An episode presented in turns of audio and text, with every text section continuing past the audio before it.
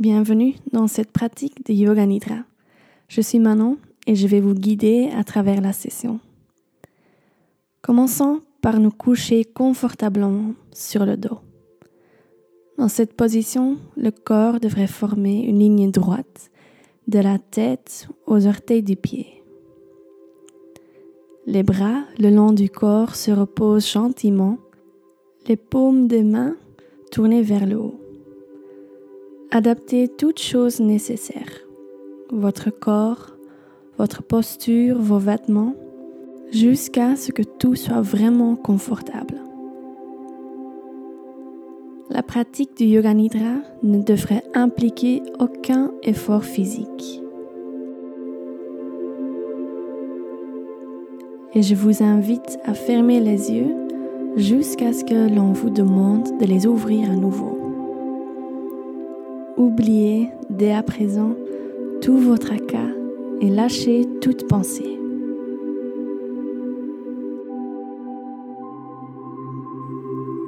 Inspirez longuement et profondément et lorsque vous expirez, libérez tout ce dont vous n'avez plus besoin. Prenez alors conscience de la musique que vous entendez. Écoutez les sons et les tonalités et suivez-les l'espace d'un moment. Laissez votre attention sauter d'un bruit à l'autre et suivez les bruits en toute tranquillité.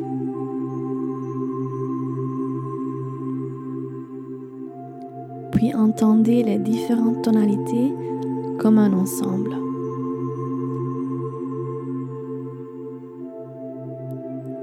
Musique guide votre attention vers votre corps couché au sol.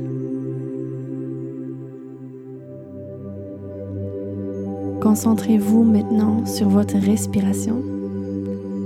Prenez conscience du fait que vous respirez sans trop vous fixer sur cela.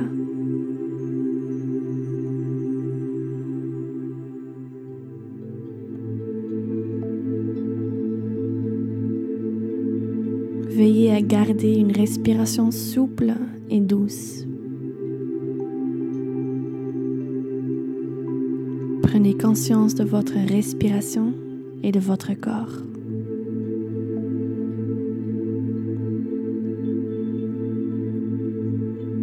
La pratique du Yoga Nidra commence maintenant.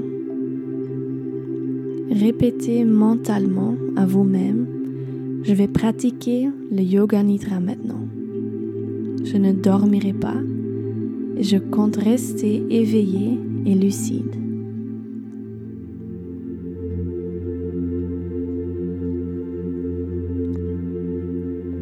Attardez-vous quelque temps sur vos désirs les plus chers, votre sankalpa. Ceci peut se faire au niveau de la santé, de votre éveil spirituel ou de vos émotions. Il peut s'agir de quelque chose de souhaité pour vous-même ou pour autrui, pour une personne proche de vous ou pour le monde dans lequel nous vivons. Prenez le temps de mettre votre désir ou votre intention en pratique. Et répétez maintenant votre intention trois fois de tout cœur et de manière délibérée.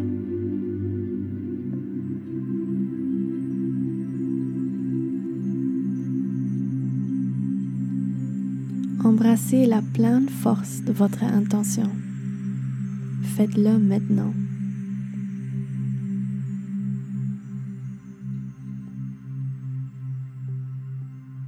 Nous commençons par rediriger votre conscience. Laissez votre conscience voyager à travers les différentes parties de votre corps. Votre conscience saute d'un point à un autre, tout en suivant ma voix.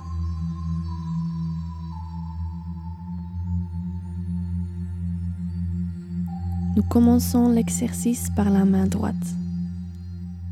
Déplacez votre attention vers votre main droite. Pouce droit. Index. Majeur. Annuaire. Puis l'auriculaire. Paume de la main. Dos de la main poignet, avant-bras, coude, gras du bras, épaule, aisselle, flanc droit, taille, hanche, cuisse droite, rotule, mollet, cheville, talon, plante du pied, pied, haut du pied, orteil droit, gros orteil, deuxième doigt de pied, troisième, quatrième. Et petit orteil. Portez votre attention à votre main gauche, pouce gauche, index, majeur, annulaire, puis l'auriculaire, paume de la main, dos de la main, poignet, avant-bras, coude,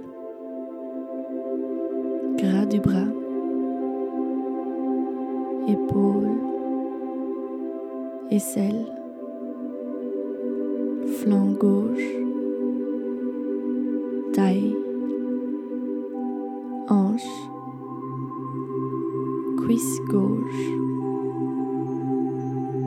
rotule, mollet, cheville, talon, plante du pied, pied, haut du pied, gauche, gros orteil, deuxième, troisième, quatrième doigt de pied. Et petit orteil.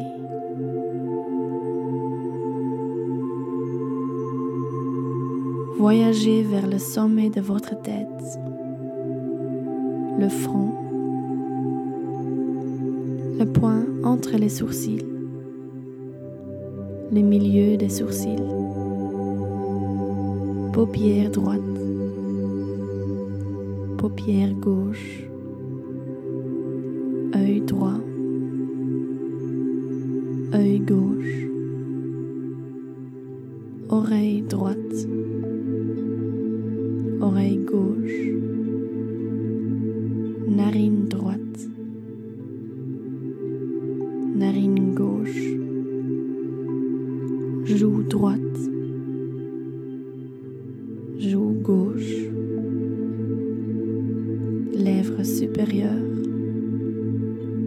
lèvres inférieures, menton, mâchoire, gorge, clavicule droite, clavicule gauche, poitrine droite, poitrine gauche, milieu de la poitrine, nombril, du ventre, bas du ventre, haine droite, haine gauche, cuisse droite, cuisse gauche, genou droit, genou gauche, mollet droit,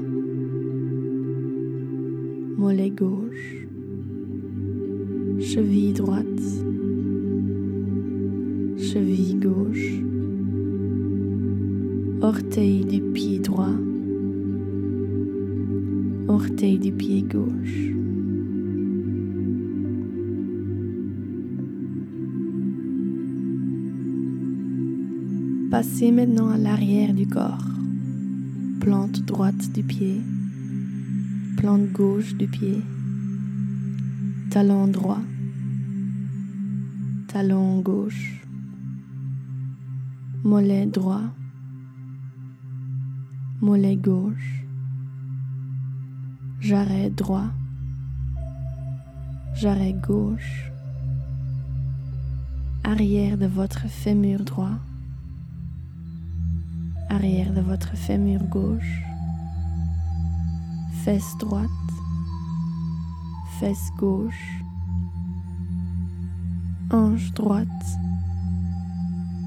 hanche gauche, la colonne vertébrale intégrale, clavicule droite, clavicule gauche, nuque, l'arrière de la tête, le dessus de la tête, la jambe droite complète, la jambe gauche complète, les deux jambes en même temps, le bras droit complet, le bras gauche complet les deux bras en même temps, le dos complet, le devant intégral, le corps tout entier, le corps comme un tout.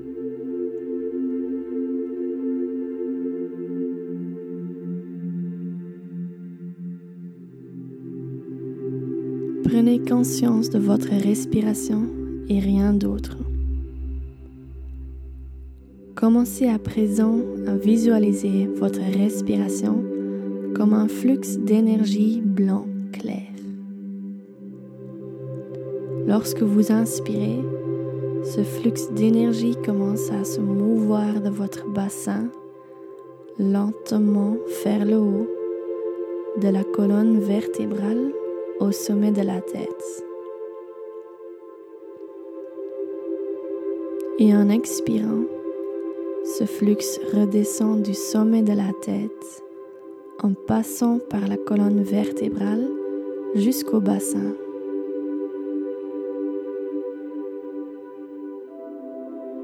Continuez à suivre le flux respiratoire entre ces deux points.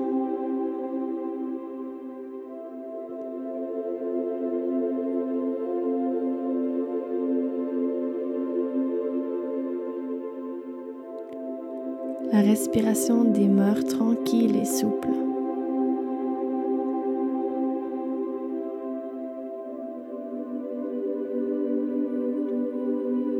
Et même si vous avez du mal à visualiser celui-ci, sachez que ce flux existe bel et bien. essayez donc de le sentir.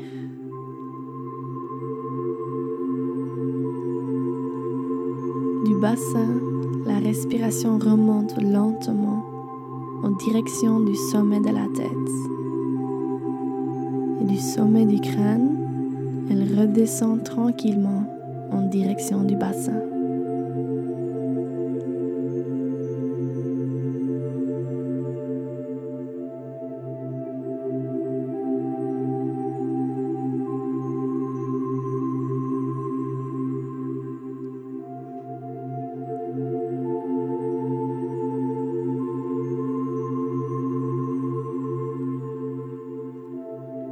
De suivre votre respiration ainsi pour concentrer dorénavant votre attention au plante de vos pieds.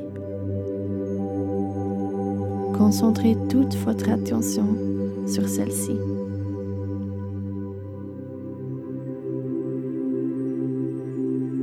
Commencez à ressentir un sentiment de lourdeur.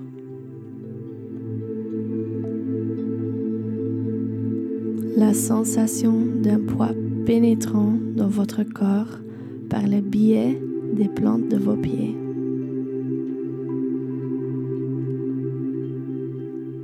Les pieds s'imprègnent de la sensation de cette lourdeur.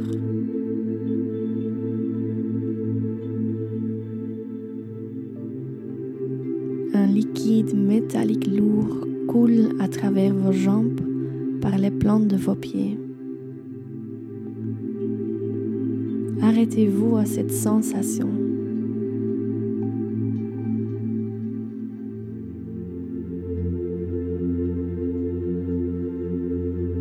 La sensation de lourdeur parcourt vos jambes et se répand ainsi à travers le corps tout entier.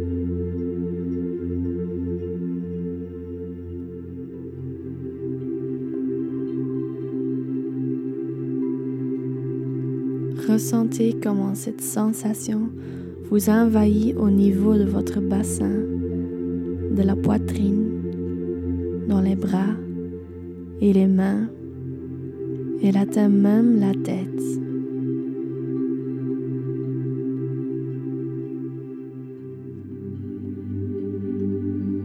Tout le corps se remplit de cette lourdeur.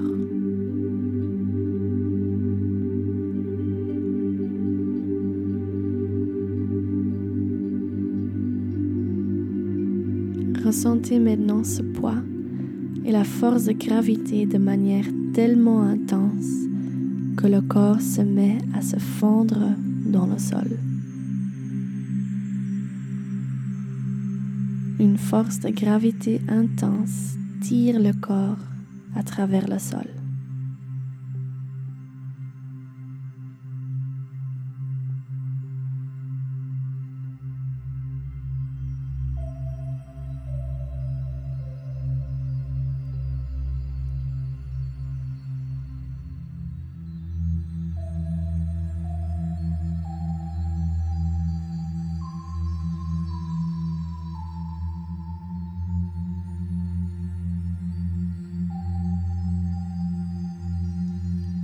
Lentement, la sensation de lourdeur et de gravité commence à quitter votre corps.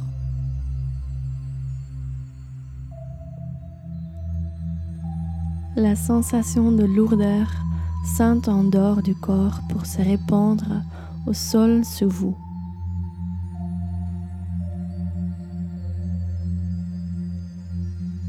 Toute la sensation de lourdeur d'un poids quitte maintenant le corps et est emporté vers les profondeurs de la terre en dessous de vous.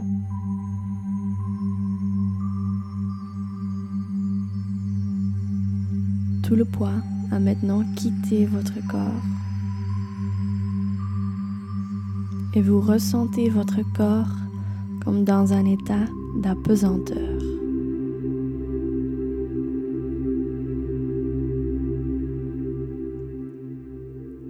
Le corps se met à planer en apesanteur tout juste au-dessus du sol. Le corps plane au-dessus du sol comme un nuage planant au-dessus de la surface de la terre.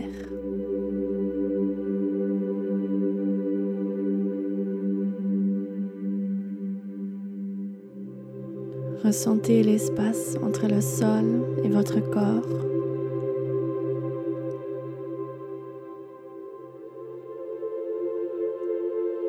et abandonnez-vous à l'expérience libératoire de l'état d'apesanteur.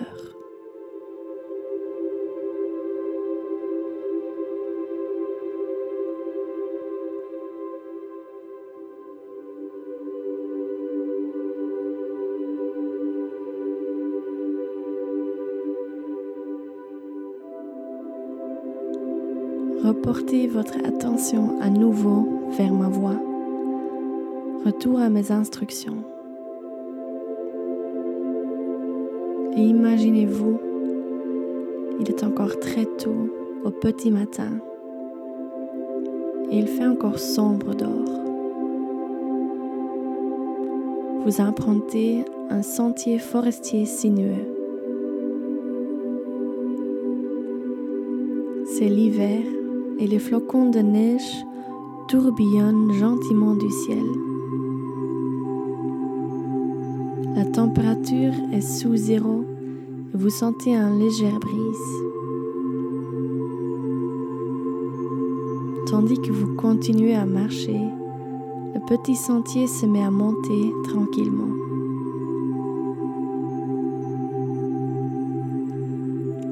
La marche vous coûte peu à peu plus d'efforts. Et après quelques minutes d'ascension, vous arrivez à un grand lac tout entouré de montagnes. Entre-temps, la pénombre s'installe et lentement, les contours du paysage se mettent à prendre forme autour de vous.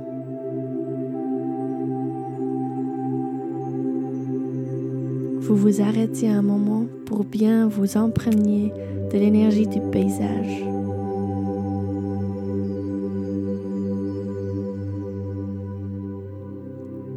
Vous êtes entouré de sapins et vous flairez l'odeur des aiguilles de pin.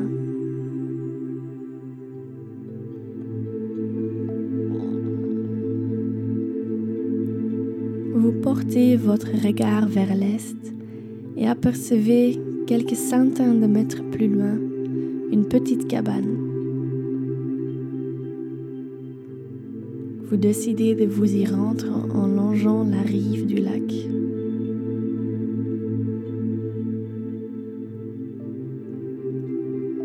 Vous rapprochant, vous apercevez la lumière d'un feu de camp. Vous vous rapprochez et le froid sur votre visage commence à s'estomper lentement par la chaleur du feu.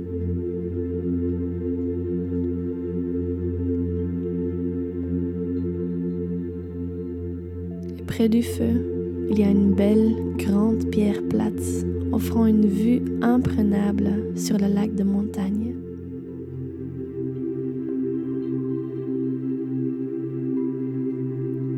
Vous décidez de vous asseoir en tailleur sur la pierre plate pour absorber la force, la beauté et l'énergie de la nature environnante pour quelque temps.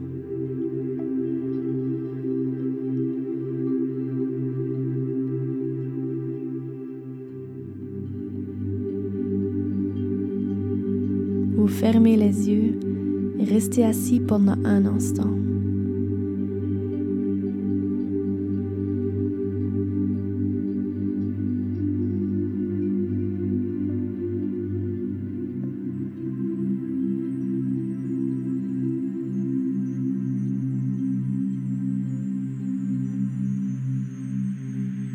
Et revenez maintenant à l'attention, à vos désirs les plus chers, les sankalpas.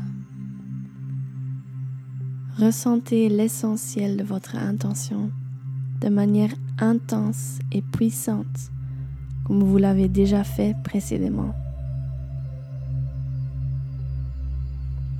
Avec profondeur et de tout cœur.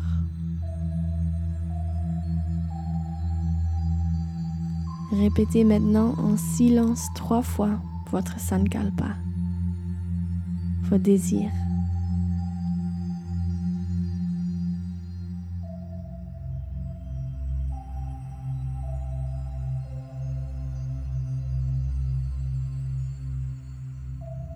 Éprouvez la force et la pureté complète de son potentiel dans toutes les parties de votre corps et votre esprit.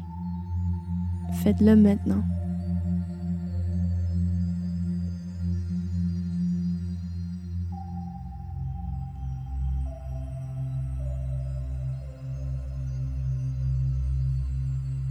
Respirez longuement et lentement et prenez conscience de la détente que vous ressentez dans tout votre corps.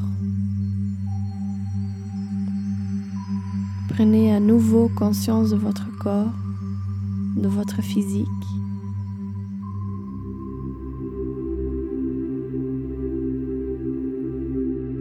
Redevenez conscient de l'environnement qui vous entoure,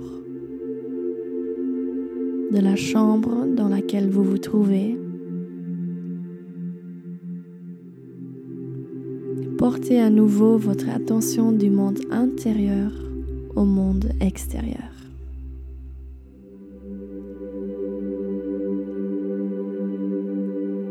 La pratique du Yoga Nidra est maintenant complète. Prenez votre temps pour ouvrir les yeux et pour la transition vers votre propre rituel d'éveil. Et cela sans aucune hâte.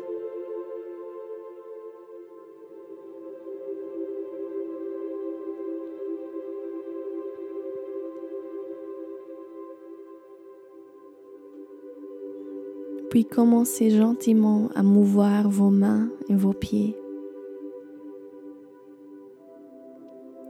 Roulez-vous sur votre flanc droit, puis revenez lentement à la position assise.